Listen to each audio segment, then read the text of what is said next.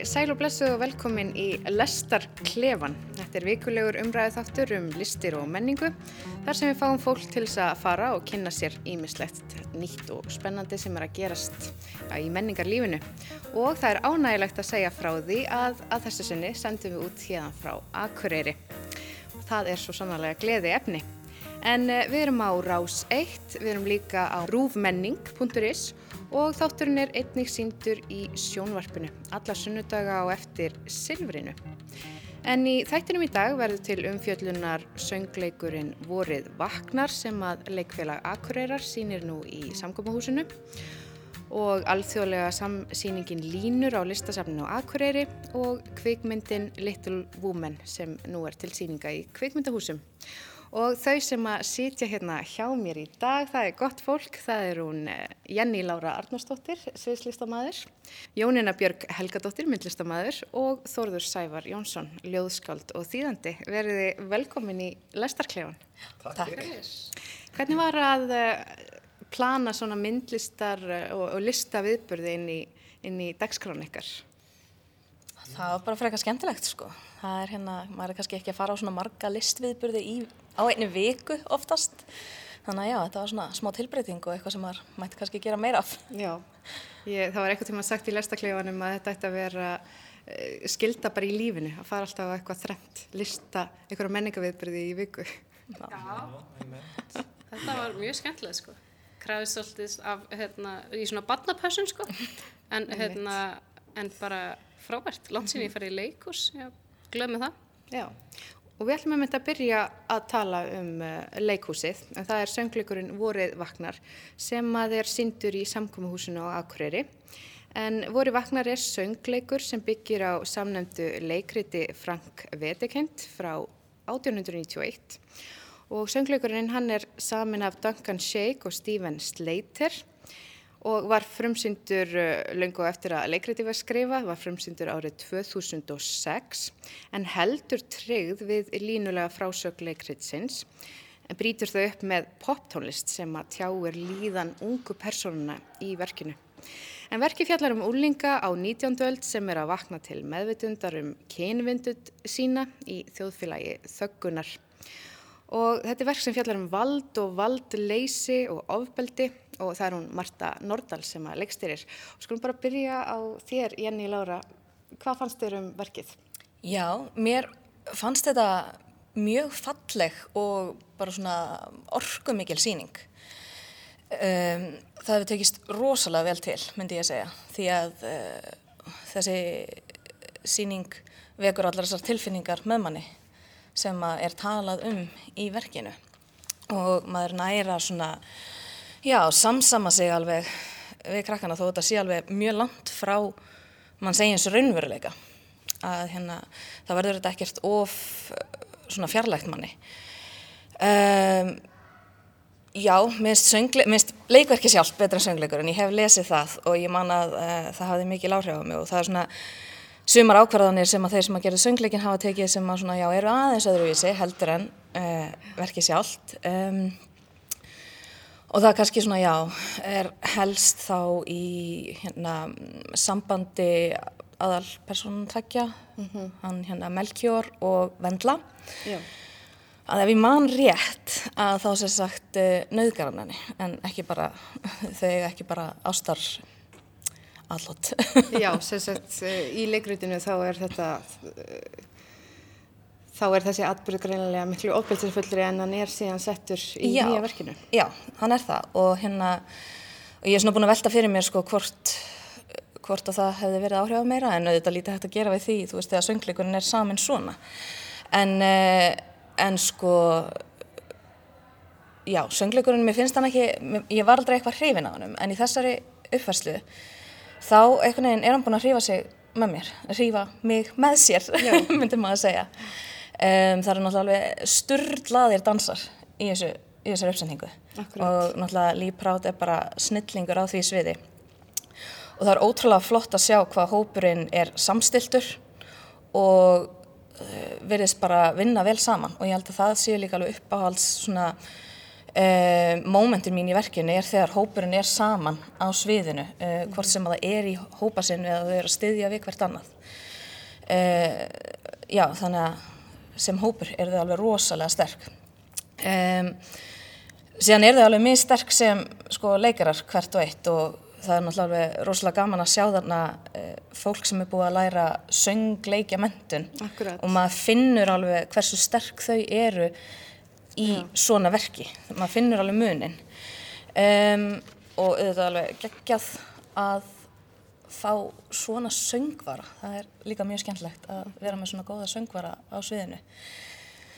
Uh, já, þannig að þau skilur sér mjög vel, en þau eru samt minni staðist, myndi ég segja, Árni Beintein, hann er í minni hlutverkum hana, en er með rosalega flotta sviðsnærveru, frábæra rödd og, og bara gerði allt sitt bara, ég er alltaf að fara að sletta sko, en gerði allt sitt bara svona on point. Um, og svo er hún Þórdís, hún er bara, já, hún er bara þessi stelpa. Já, hún. Þórdís Björk, Björk, Þorfinnsdóttir leikur hana Vendlu sem er litla saklösa stúlkan sem að eh, já, umbreytist svolítið í þessu verki. Hún, eh, og er að vakna tilvitundar um sína kyn, eh, kynveru. En það er merkilegt þessi hérna, þetta upphafsatriðið mitt þar sem að hún byður móðu sína um ráð og fær ekki. Hvernig fannst ykkur þetta?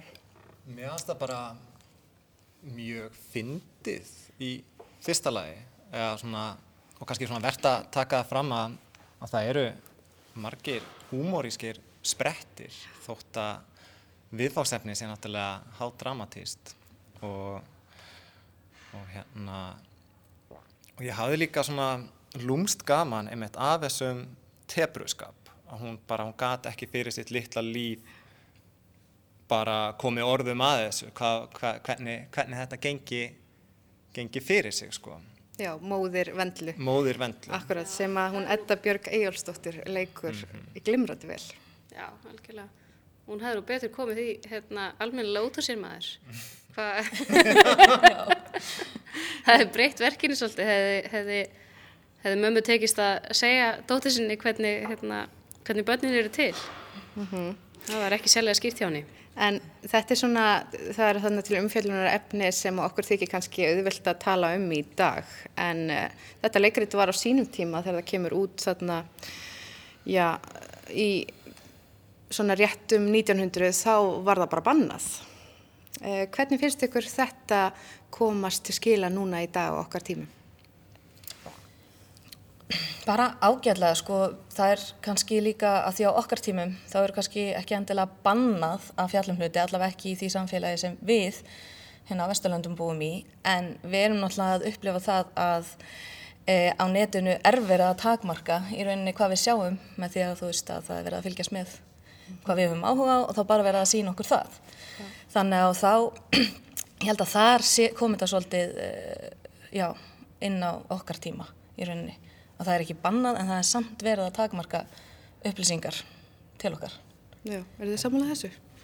Já, síðan sko síðan er náttúrulega sumt sem verðist vera já, mikið einhvern veginn tabú í dag og þegar leikriti var skrifað eins og hann náttúrulega farið inn á bara eins og kynfyrirslega misnótkun og, og öll, öll svo þöggun sem er einhvern veginn umlikur hana um, þannig að Já, við sjáum náttúrulega líka að einn, hérna, einn karakterinn er uh, já, misnótað af föðu sínum.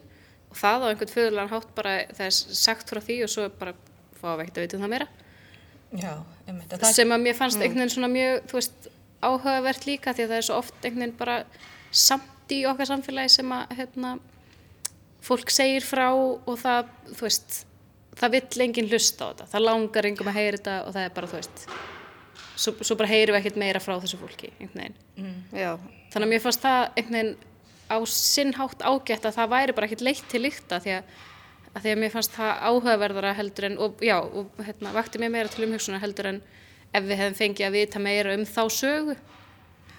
Að þá er þetta bara eitt atriði að hérna, þessi karakter segir frá því að hún sé misnótuð og svo bara það er bara búið. Höldum við bara áfram með eitthvað allt annað sko. Já. Það vekur aðtegli að uh, það eru bara tveir eldri, sagt, fullornir, já ekki fullornir heldur, svona leikarar af eldri kynnslöðinu sem eru í verkinu. Það er Þorstein Backmann og Edda Björg Eyjólfsdóttir. Þau leika öll, svona, alla fullortnu karakterana og skipta þeim á milli sín.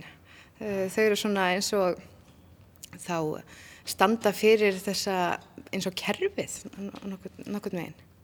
Já, þau er náttúrulega alveg brjálaðislega íhaldsum og bara, já, minna, þau eru bara hann afturhaldsemin bara holdi klætt í rauninni.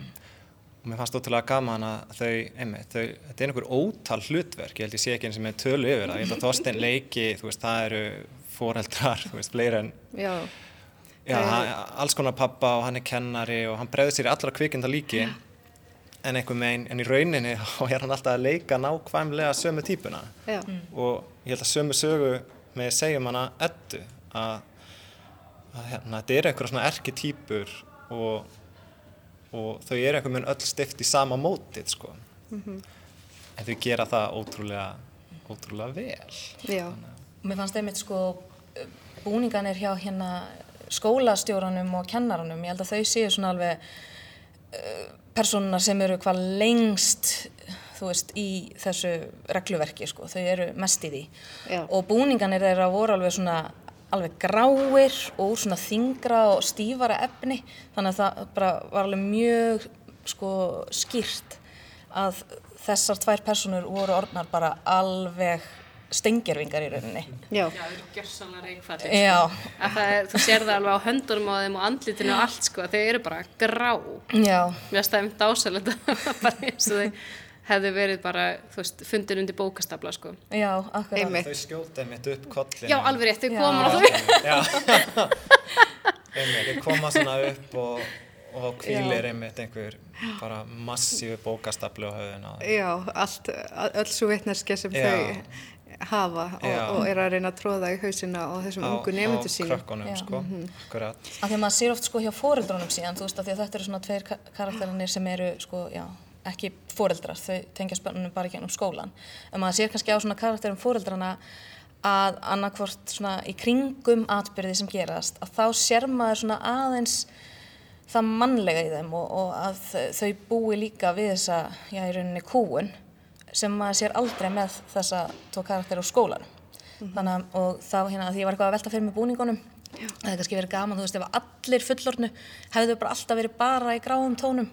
En kannski einmitt að því að þau eru ekki alveg sátt við þetta kerfi í rauninni þó þau segi ekki neitt en það, þú veist eh, já, þau eru ekki sátt að þá hérna, að þá kannski einmitt er var Já. það ekki alveg Og talandi um búningana, búninga og leikmynd, það var hún auður Ösp Guðmundsdóttir sem að hannaði búninga og leikmynd og hefur gert það núna hérna hjá leikfélagi Akureyrar eins og í Kabarett og í Galdragáttinni núna sem var sínt eh, fyrir jól og eh, hún gerir þetta á mjög svona, það eru miklar andstæður í þessari, þessari búninga og leikmyndahönnun. Svona það eru búningar stelpnana sem eru opbóslega bleikir og sætir og, og, og svo er harneskjan í, í leikmyndinni. Já, algjörlega. Mér finnst þessu leikmynd alveg frábær og hérna, hún svona, já, mikið svona stál eða eitthvað smá út eins og stál og hérna, og afskaplega einföld og svo minnir hún líka smá á, hérna, á leikfimihús, eða leikfimihús sem ég fannst líka mjög gott sko því að einhvern veginn að vera unglingur og vera í leikfimi og allt þetta svona einhvern veginn kynþróskin og allt, þetta er allt alveg rosalega, þú veist, nátengt. Þannig að, já, mér fannst þessir, hérna, þessir, þessir fimmleika ringir sem að þau hanga í og nýta sér rosalega mikið í, hérna, öllum dansatriðunum rosalega góðið, sko. Að því þetta bara svona ítti undir hennan vandraðleika sem að mann eftir af kynþróskanum og, og íþróttum. Já, þetta er góður punktur. Það, Það er gott, já. sko. Og þetta eru þetta skólasvæði svo mikið þannig að Já. maður tengir þar við svona þessa viðkvæma ástand Já. sem ríkir í leikvæmisal Já. á úlingsárum. Álingsárum, algjörlega. og svo líka síndi það bara, þú veist meðan það líka vera svona tákn þessa heim sem var bara mjög kaldur og harnaskilegur þegar svo finnst mér búninganir koma svo skemmtilega á móti því þeir eru svo litríkir og gladværir og lýsingin, þeir vinna líka rosalega vel með lýsingunum finnst mér til að skapa þennan heim af því að þegar kannski meiri upphafverksins þegar það er svona léttleiki í gangi og einmitt þessi, þessi forvitni úlingsáruna og svona þá einhvern veginn náði að skapa stemmingu þú veist þó að leikmyndin sé svona köld að þá náði að skapa þessa hlýju stemmingu og pínu mitt svona já vor feeling í þessu sko. Og hérna já þannig að mér finnst þetta ganga mjög vel upp þó þetta séu anstæður þá einhvern veginn nær þetta að ganga mjög vel upp saman. Er alltaf svona rosalega hlý og falleg byrta mér finnst líka mjög gott veist, hvernig þau eru sjálf að hérna, stjórnast í lýsingunni. Bæði eru þau með hérna, bækur sem þau opna og þá er sko lýsing einhvern veginn úr innan úr bókinni sem lýsir upp andlitin á þeim. Og hérna, er það náttúrulega hægt að snúa á alla kanta.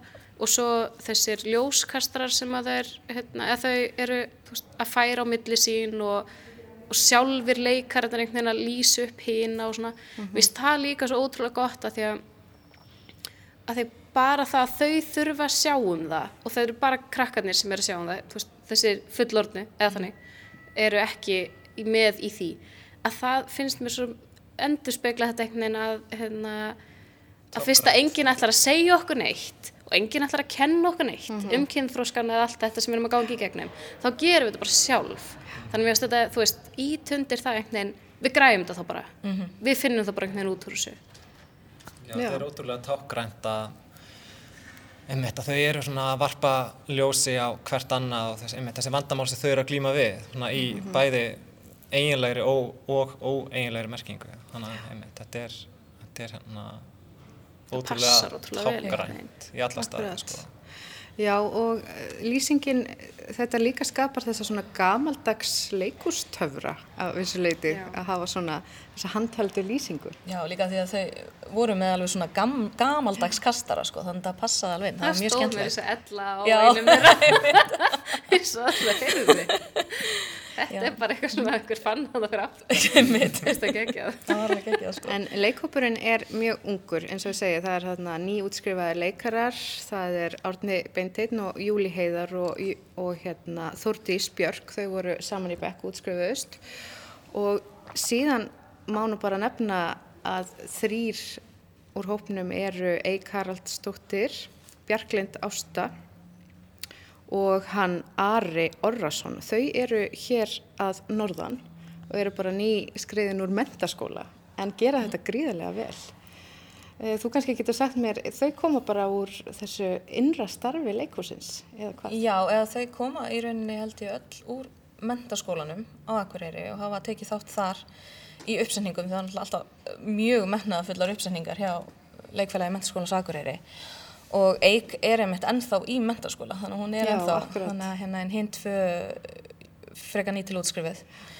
Þannig að já og, og þetta er bara ég held að þau séu búin að svona njóta mjög góðs af því góða starfi sem er unnið hjá leikfélaginu í mentaskólanum um, og gaman að sjá, sjá svona krakka fá tækifæri á sviði af því að meina þetta er nú kannski ekki stór hlutverk en það gefa þeim reynslu og, og þau standa sig mjög vel eins og þú segir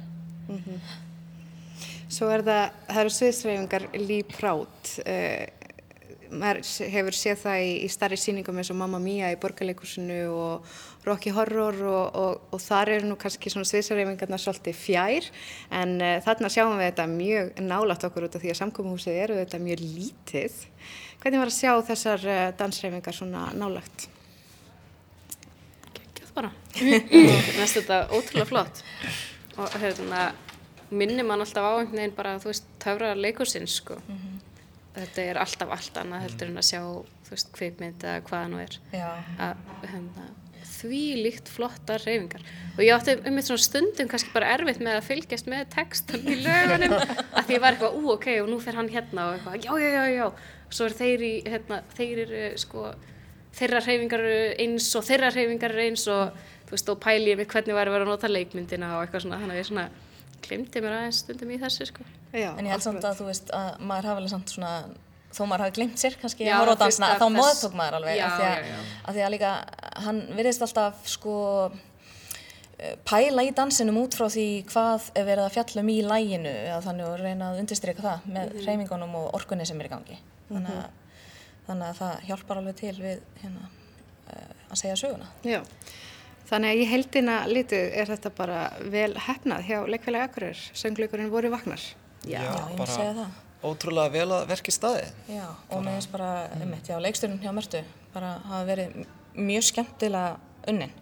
Líka því að þetta er alveg abstrakt verkpínu eða sérst, að því að maður er að fylgjast með svo mörgum litlum sögum, þetta er ekki eins og maður sé að fylgjast almennilega með bara einhverjum tveim personum alveg út í gegn og söngtekstanir eru ofta kannski ljóðurrænir frekar en að vera að hjálpa til við framvindu sögunar, það er líka kannski pínu óvinnilegt fyrir söng, söngleik eh, og hún hefur alveg einhvern veginn ákveðið að grýpa bara andrumsloftið svolítið og vinna með Mhm, það já. og mér finnst það mjög skemmtlegt og, og hérna, já, og það hefur tekist mjög vel til. Já. Uh, við skulum næst fara úr uh, leiklistinni og yfir í myndlistina og við ætlum að ræða alþjóðlegu, alþjóðlegu samsýninguna Línur sem er á listasafni nú á Akureyri en þar sína áttalistamenn frá sex ólíkum löndum og fjórum heimsálfum. Þau eru frá Hong Kong, Litáen, Japan, Þískalandi, Mexiko og Túnis. Og í síningaskrá kemur fram að síningin Línur tengir Ísland við fjarlæga og framandi menningarheima í gegnum myndlist. Og það er hún Míreja Samper sem að síningastýrir þessari síningu en hún hefur til dæmis haldið utanum alþjóðlegu myndlistarháttíðina Ferskir vindar í, á Reykjanesi undanferðin ár og svona flestir af þeim listamönnum sem að sína á þessari síningu línur hér í listasafnum Akureyri hafa einnig sínt verkin sín þar. Og skulum bara byrja þér Jónína. Uh, hvernig fannst þér síningin? Ég var rosalega ána með þessa síningu. Hún er, hérna, hún er ótrúlega einhvern veginn létt, eins og kannski nafnið svona einhvern veginn ber með sér, sko, að, hérna, svona mikill léttleiki í, í þessu línur og, og fyrir mér harmonar rosalega mikið með, hérna, við þessa hækkandi sól og svona, mér fannst ég bara að koma inn og, og þú veist, já, það var svo bjart og skemmtilegt og unnið með, hérna, unnið vel með rýminn og svona aðeins unnið, eða reyndar heilmikið reyndar unnið inn í salina og kannski gaman með það sko að hérna, ef þau hafa mörg verið að taka þátt í, í ferski vindar þá er það hérna, fimm vikna uh, hátíða sem fólk kemur og vinnur uh, á Íslandi. Af vetri til líka sem er eins og við náttúrulega verðum með núna að hérna uh, að, já, þá er fólk að vinna einhvern veginn með rýmin sko og, og, og svæðið og andrumslofti og svona. Og þau voru nú að gera það að einhverju leiti hérna líka hérna, að þau voru í listamanna íbúðanum sem eru uh, efst í þessu fína, fína safni sem við hefum og, hérna, og hafa verið að vinna mikið og setja sýninguna upp í smá tíma sem að hérna, maður finnur rosalega vel fyrir þegar maður kemur, hún er alveg listalega vel sett upp. Og hérna einmitt fleiri en eitt listamæður sem að nýti sér svolítið rými, það er svolítið gaman með hérna, uh, þann sem er frá Litáen Já. Hann er með svona eins og flugvélavæng sem að skinja svolítið flott þegar maður kemur inn. Það er kannski ekki alveg það fyrsta sem maður tekur eftir þegar maður kemur inn í það ákveðna rými en, hérna, en tekur yfir bara næstu því allt, uh, allt allan þann sal sko. Já, Og það er hann Sálius Valius frá Litóin sem Já. er með það já, bara sna, snjalla verk Það Þetta er rosalega flott. þræðir sem að tegja sig þannig frá einum enda salarins yfir, yfir í gluggana og út Já. í alheimin einhvern veginn Einmitt. Út í þessa glugga sko þú sérð einhvern veginn líka hvað er unni með, hérna, með gluggana þannig sem eru reyndar alveg dásanlegir og hérna, þetta er einhver sko sex, ég veit ekki, sex metra lofthæð eða sjö metra lofthæð. Það er hérna, já þetta bara harmonera svo fallega þarna inn í Akkurat, og hefur rosalega góða teng tengingu einmitt við sko, já, um heiminn. Að þú sérst að tengja þetta við þessi mismjöndu lönd og eitthvað svona. Tekum maður svolítið á flug. já Sáu þið línur þarna þvers og kryss í listasafninu? Já, Já, ég hérna, ég var einmitt svona, mér fannst það gaman, sko, ég hérna, ég haldi dagbók síðan ég var 16 ára gammal og ég kaupi alltaf samskonar bækur, þetta er svona A4 stílabækur og ég skrifa alveg hverja einustu línu, báðu megin og ég hef svona, ég hef búið upptekinn að, að hérna, einhver svona vita gagslausri tölfræði, þannig að ég er búin að halda því til haga hvað ég er búin að skrifa margar línur síðan ég byrjaði að halda dagbók fyrir 16 árum síðan Já, já. og gert það að ganni mín að leggja það saman og eitthvað. Þannig að eins og æfi mín síðustu, síðustu 16 ár spanna 23.000 línur sem já, gilda einhverjum fjórum og hálfum kílometra og þannig að ég veit ekki, það var einhvern veginn það fyrsta sem poppaði upp í höfuð á mér, ég veit með einhverja aðeins öðruvísi nálgun. og mér finnst líka gaman um þetta Jónína einmitt kom inn á það einmitt að hún hafi einmitt að vera þessi léttleiki og, og, og allt það sko en, en ég veit það ekki. Ég, hérna, ég var vakandi fram eftir öllu daginn áður en ég fór á þessa síningu ég horfði á Super Bowl aðfara nátt mánudags. Þurfti síðan að mæti vinnu klukkan 8 á morgun og, og það var eina tækifæri mitt að skjóta svo síninguna, það var eftir vinnu þannig að ég kannski verið eitthvað svona ósofin og illa fyrir kallaður því ég sá bara ég sá bara dauða og djöfur allstaðar eins og ég hjó eftir því að, að hérna að hérna að konan frá Túnis sem er með þessi litríku fallegu málverk sem er svona eins og Vigdís Grímsdóttir og Sjón Mikael Baskat myndur svona leiða saman hesta sína þá eru það einhver, einhvers konar útkoman. Og þar er einmitt höfukúpa og einmitt þegar ég rampaði hana inn þá var, vildi bara til að það var einhver svona höfundakynning ég var með held ég einhverjum kennurum í einhverjum skólaðana fyrir norðan og fekk að fljóta með og annar japanski listamæðurinn hann var með daldi skemmtilega myndir og þar á meðal höfukúpu og svona sprungu sem lág þvert yfir höfukúpuna Akkurat. þannig að ég sá eðlilega bara bara dauða þar og, og mér finnst líka einmitt skemmtilegt að, að, að þið hafi minnst á flugvélavængin því ég sá náttúrulega bara flugvéla flag það vantar restina af vélinni þannig að ég las bara ég las bara eina sem ég sá var bara flugvél Áframhaldi dauði. já, Og bara þú tengdir það við sjálfan þig og línurnar í sjálfum þér þannig að þú hefur verið á svona tilvistarlegum nótum Já, ég var á einhverjum mjög tilvistarlegu nótum því þú veist, ef maður, ef maður tekur þessa pælingu alveg alla leið, þú veist hérna já, einhvern tíma með mér fannst þetta bara svo stert, þú veist, lína getur náttúrulega auðvitað takna upphaf alveg mikið á endalók en hérna en einhver megin allavega endalókin voru einhver megin allt um líkjandi þegar ég átti hana leið hjá Akkurat. en ef ég hefði verið útsofin þá hefði ég kannski hefði Það væri forveinslega Já. fyrir þig að fara aftur og gá hvaða línur uh, myndi þá byrtast í Já, akkurat, akkurat. En sást þú margar línur þarna? Já, Tengið gerði þau við sjálfa þig og, umheiminn? Já, um, ég pældi nefnir ekki eitthvað út, út, út frá því sko en, en eins og Jónina segir að þá var þessi léttleiki að meira þess að í verkinu sem er búið til úr steinum að þá eitthvað neginn er búið að ná að, að gera þá í rauninni þingdalösa því að þeir eru í lausu lofti. Þannig að, þannig að Og það verk er eftir Hiro Egami frá Japan og þetta er sagt steinar sem að hanga í svona uh, þráðum og mynda kassa. Já, einmitt og það var svolítið skemmtilegt sko. steinar.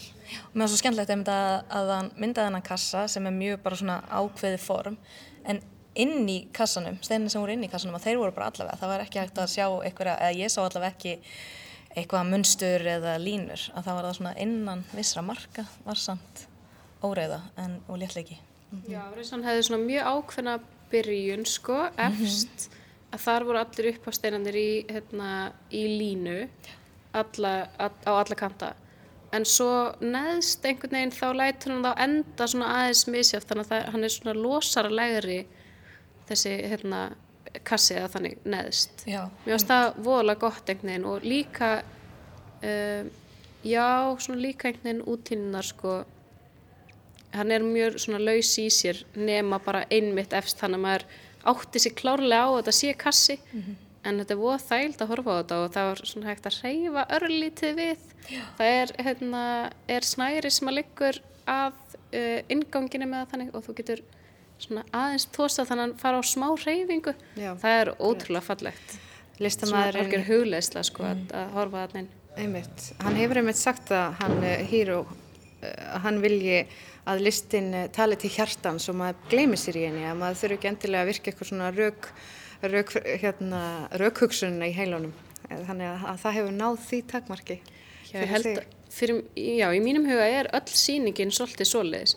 Já. Hún er ekkert svakalega, hérna, um, mér finnst maður ekki þurfa að ta taka einhvern veginn svona rosalega um, já, hvað var að segja já, ekki nota hausinn alltaf mikið heldur bara einmitt fá að skinja hana svolítið Já, og, og það er margt í því eins og hérna það eru verk eftir hana þýsku hérna þú veist að þá að tala um kannski silkiverkin Já, silkiverkin. Hún heitir Almóð Bámfall einmitt og er með þarna Almóð, svona figuratív verk Já. sem eru máluð á gerfisilki. Já, og, hérna, og þannig að það sem hún þá málar, hérna, þekur ekki, ekki alveg myndfötin, þannig að það sem hún málar er hérna, varpar skugga og þú getur séð í gegnum þetta gerfisilki þannig að, þannig að það varpar skugga á hérna, vegginn fyrir aftan. Já, og það verður einhver svona smá um, þrývít náttúrulega í því út frá því. En líka einhvern veginn er þetta allt bara svo já, þú ferð einhvern veginn svo vel bara að skinja verkin. Og, og greinilega hægt að skilja þau á hérna ymsa veg. Annarkvört ótrúlega bjart síni og, og eitthvað svona eða bara dauði. Já. og hérna. En það er einmitt gaman að því að, að hérna, listasafnið Akureyri, það eru miklu gluggar þarna á safninu og, og, og byrtan skín inn. Og það eru mörg verkana sem að teikna í rauninni línur á vekkina eins og flugvélavengurinn og þessi silki málingverk og svo var annað verk sem að ég heitlaðist mjög af sem að var úr sokkabuxum. Já, dásamlegt. og það var eftir Miyuki Kito frá Japan. Og svona sokkaböksna innsetning sem varð að eitthvað skona landslægi Mér fannst Já. það líka, einhvern veginn, mér fannst ég bara vera á einhvers konar, einhvers konar ferðalagi, sko, því að það eru þannig um, það var annar, þeir voru tveir frá Japan og það Já. var svo sami sem var með höfukúpuna og til að mynda með ljósmynd að geimflaug að hrapa. Já, það er, það, hann var frá Hong Kong Já, Hong Kong, já, ok. hann uh, Lapjip Já, akkurat og ég einhvern veginn og þessi, þessi kassi eða teningur þarna með um, hérna, smásteinunum ég einhvern veginn tengdi það automatíst bara við geiminn það væru loftsteinar kannski svona loftsteinar sem standi í stað eins öfugsnúi og það nú er sko en En já, síðan er, já, síðan, síðan er með tengdi ég svo meðan þetta sokkabugsna verk alveg meiri háttar.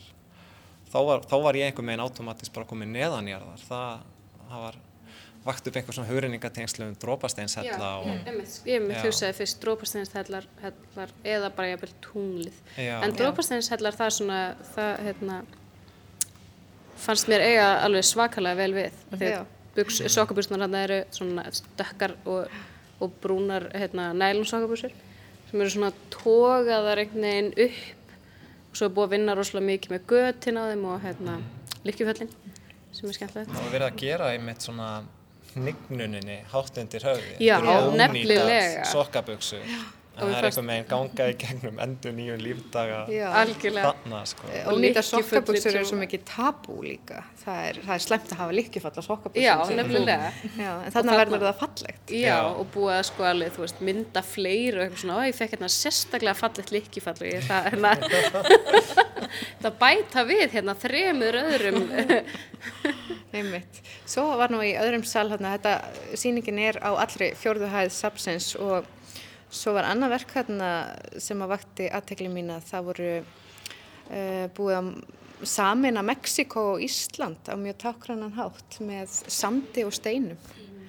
já, svona verið að tala um, hérna, tala um, já, eldfjöllin og eldvirknina og eitthvað svona, sko, og kannski, ég held að hann hafi viljað hugsa um svona kraftin í, kraftin í Íslendingum og, hérna, Mexikonum á þennan hátt einhvern veginn í gegnum, gegnum eldvirknina. En hvernig finnst ykkur að fá svona alþjóðlega uh, listasýningu hingað norður? Meiri háttar. Það er afskaplega gott inn á Já. milli. Eh, Sko, safnið líka hefur marga sali. Þetta er náttúrulega í nokkurum sölum, eins og segir öll uh, fjórðahæðin. um, en hérna, fjórðahæðin, þriðahæðin. Það fyrir eftir hvernig þú telur orðið nú, núna, því að þetta er svona, já, Ég held að uh, Ég form... held í liftinni sita fjórða. Já, Þetta er fjórðahæð liftir, Já, ok. Við töluðum alltaf um þetta sem þriðju hæðina einu sinni, sko. en það er veginn orðið svona stallar sko núna þannig að alltaf ég það fjórða Já, þannig að það eru líka náttúrulega hérna, íslenska sýningar og mér finnst það bara mjög gaman að fá, hérna, fá einhverja til, a, til að koma og fá svona svolítið aðra sín á uh, já, ég veit ekki, pínu okkar veruleika líka því að þetta tengist nú allt eðlilega.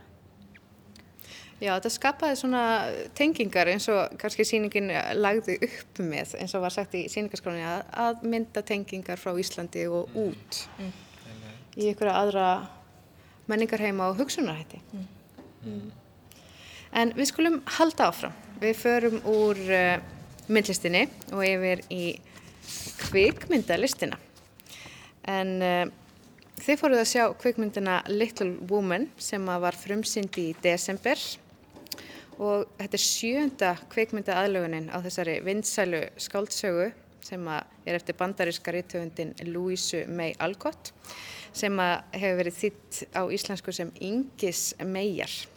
Og þetta, þessi saga kom út árið 1868 en þar segir frá uppvaksti fjögura systra í Massachusetts á tímum borgarastriðsins Og þessi kvikmynd sem við sáum, eh, sem að eh, hún Greta Gervik leikstyrir, hefur hlotið gríðargóða viðtökur og hefur verið tilnæmt til sex Óskarsverluna, til dæmi sem besta mynd og besta leikona í aðal og auka hlutverki og fyrir besta kvikmyndahandritið byggt á áður útgefnu efni.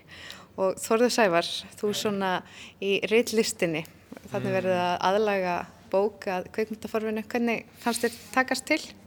Mm, já, að svo mæltu þá hef ég ekki lesið bókina.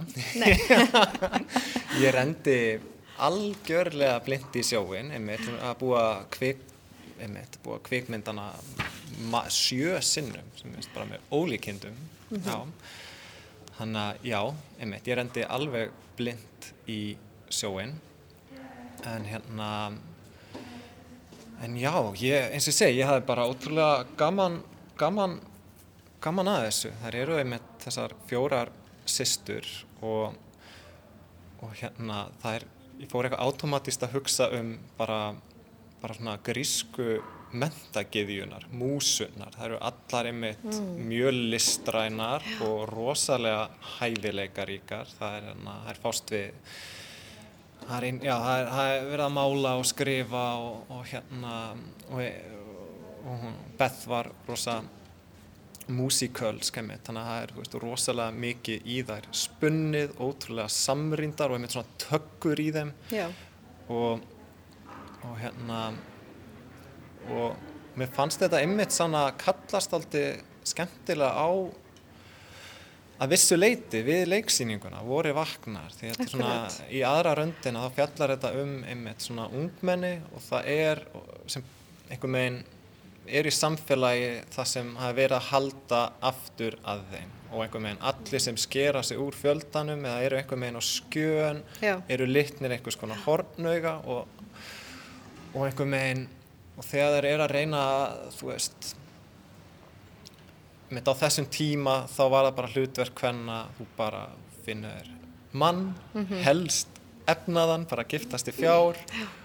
Og, og hérna og það er bara eitthvað svona æðsta, æðsta takmarki í lífinu. Það, er bara, það hefur ekkert upp á neitt meira að bjóða sko.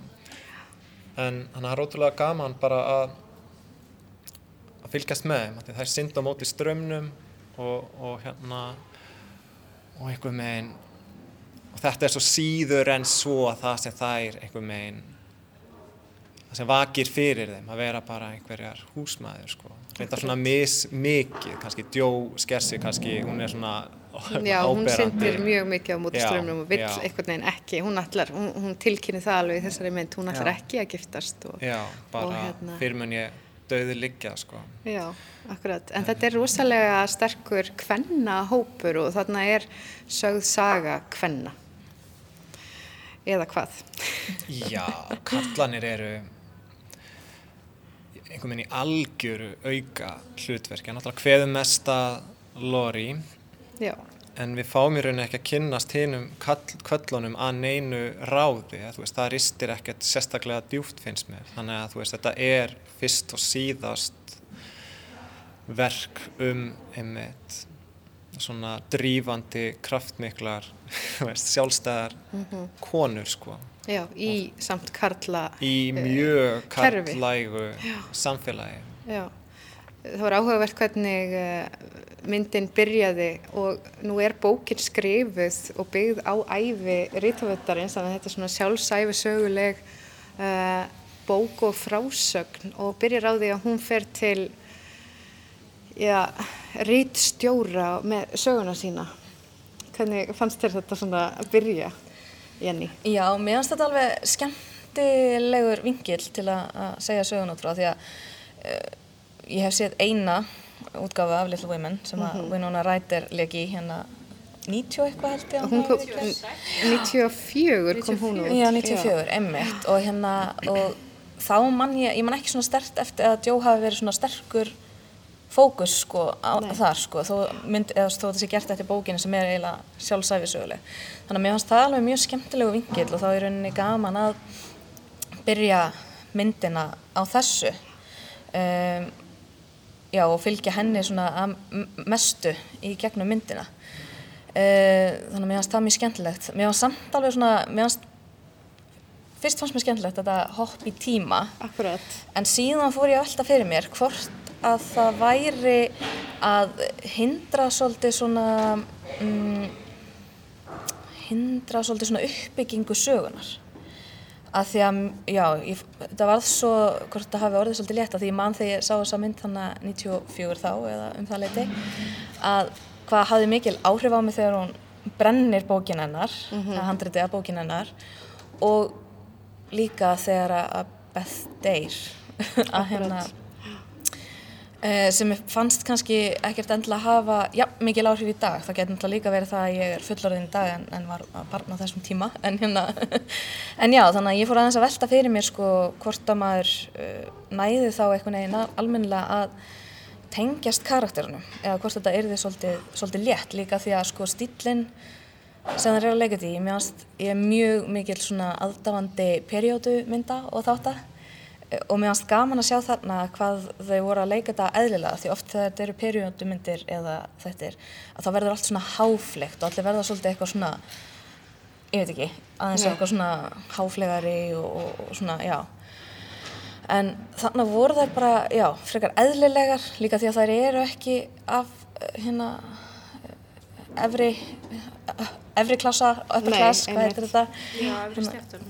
efri stjettum og þá einhvern veginn voru þær hverstagsleiri Já. og mér finnst það svona já, vera skemmtilegt en hérna en það hefði kannski verið gaman að fá að fylgja þeim bara í línulegri sögu eða, þú veist, já, línulegri sögu Hinn myndin, er, þessi, sem er 94, er samt ekki alveg línulega, en Nei. mér fannst þetta pínu erfiðara núna, Já.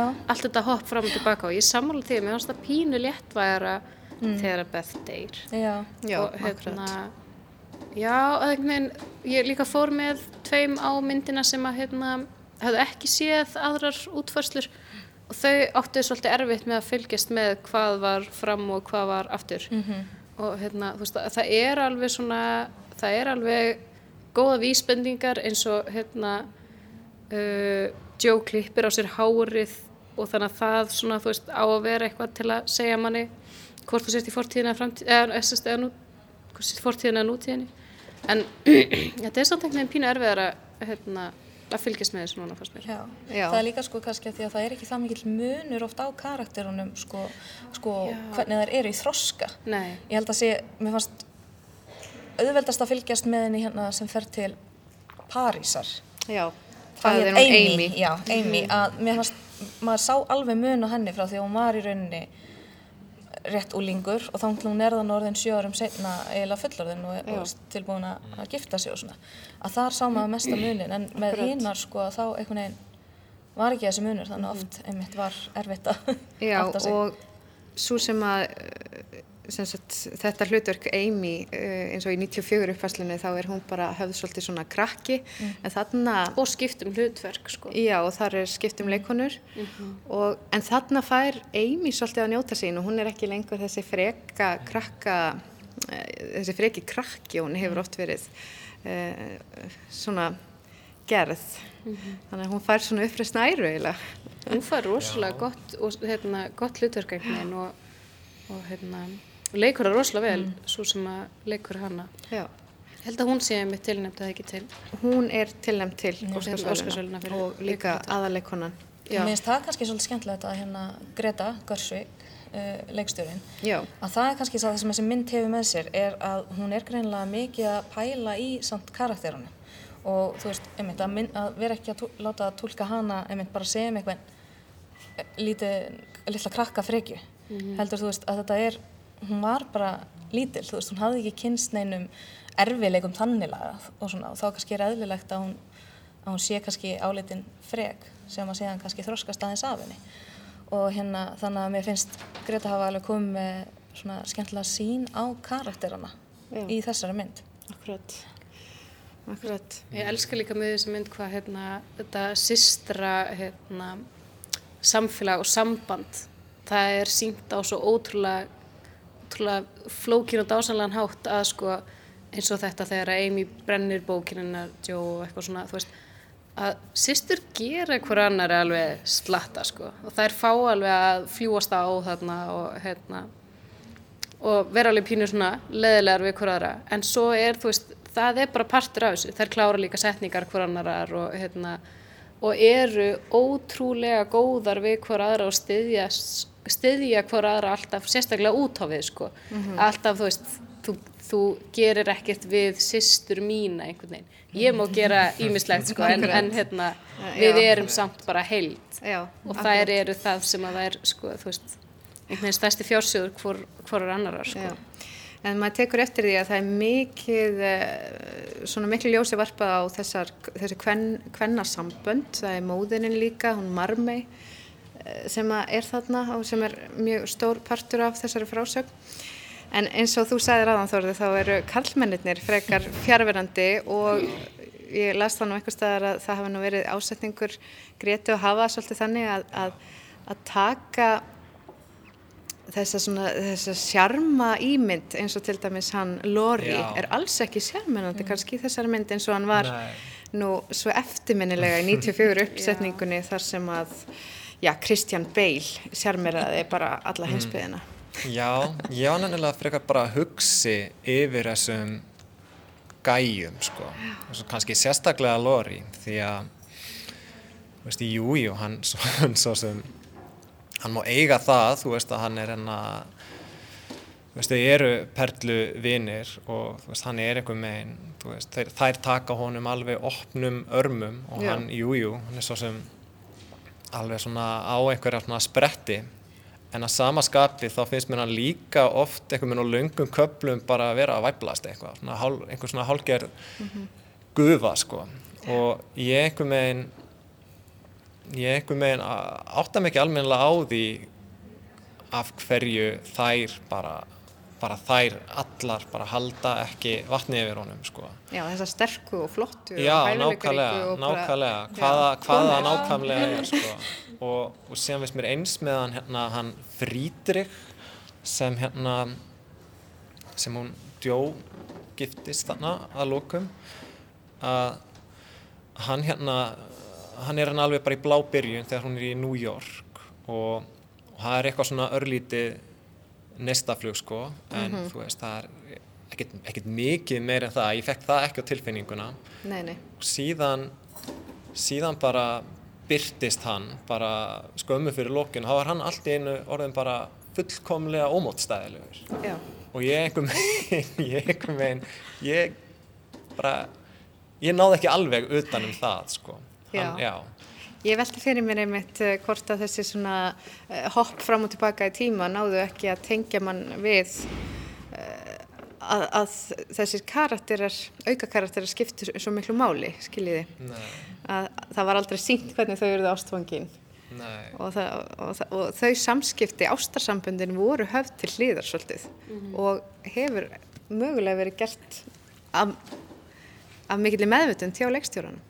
Gæti já það verið. hlýtur að vera eiginlega með ráðum, með ráðum gert því að einmitt, þeir eru það fyrirferða litlir og maður fær ekki að kynnast en nema bara maður er með einhvern veginn rétt bara að skrapa yfirborðið sko.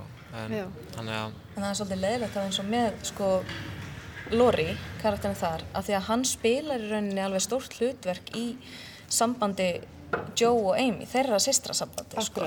Að því að hann er náttúrulega er þannig besti vinnur Joe og, og náttúrulega er ástfangin af henni en Amy er alltaf ástfangin af honum Já. og þannig að ég var alveg búin að gleyma að hún hefði eitthvað verið ástfangin af honum þannig að þegar þið er þannig í París og hún er að segjast hafa alltaf elskað hann þá kemur það alveg eins og þrjum ár heiðskjör á lofti þannig að það hefur kannski verið farið aðeins og langt með að, hafa kallan í svona auka hlutverki af því að sérstaklega þegar þeir spila svona veigamikið hlutverk í samskiptum sýstrana og sambandum þeirra sko. Akkurat.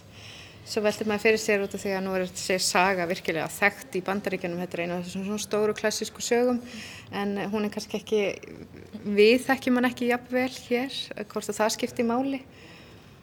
Öruglega að, e, til dæmis að maður hefði, hefði lesið bókina að þá myndi maður kannski svona einmitt e, sjá þetta frá öðru sjónarhorni og hugsa öðru um þetta. Og myndi maður öruglega þekkja karakterina miklu betur og þá færi þetta, eða, væri þetta miklu minna mál fyrir mann einmitt þetta sambandsleysi að þessi tímastökk og svona sko Já, þá myndur þau bara segja, þú veist, auðvitað var Amy alltaf ástfangin á Lori, Já, þú veist, ég veit það alveg, ég man það alveg, en myndin kannski er ekkert endilega að sína okkur það, sko. Nei, Nei. Það er bara svona vitað.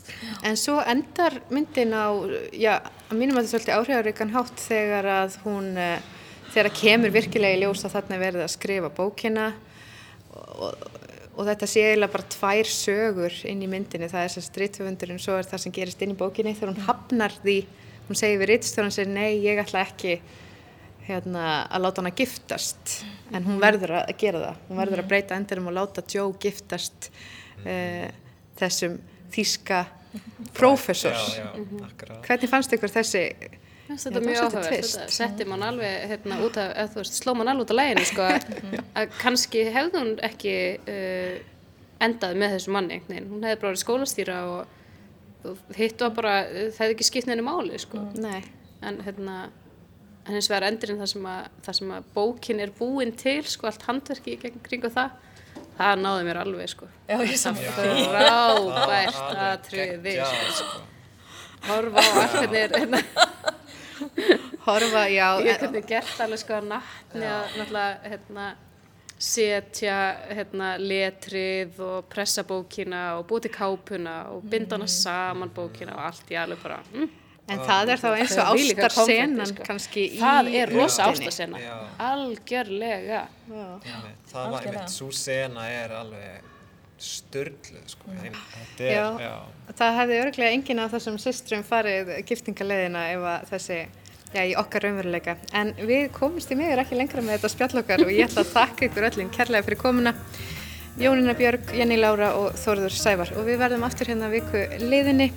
Takk fyrir að hlusta og að horfa.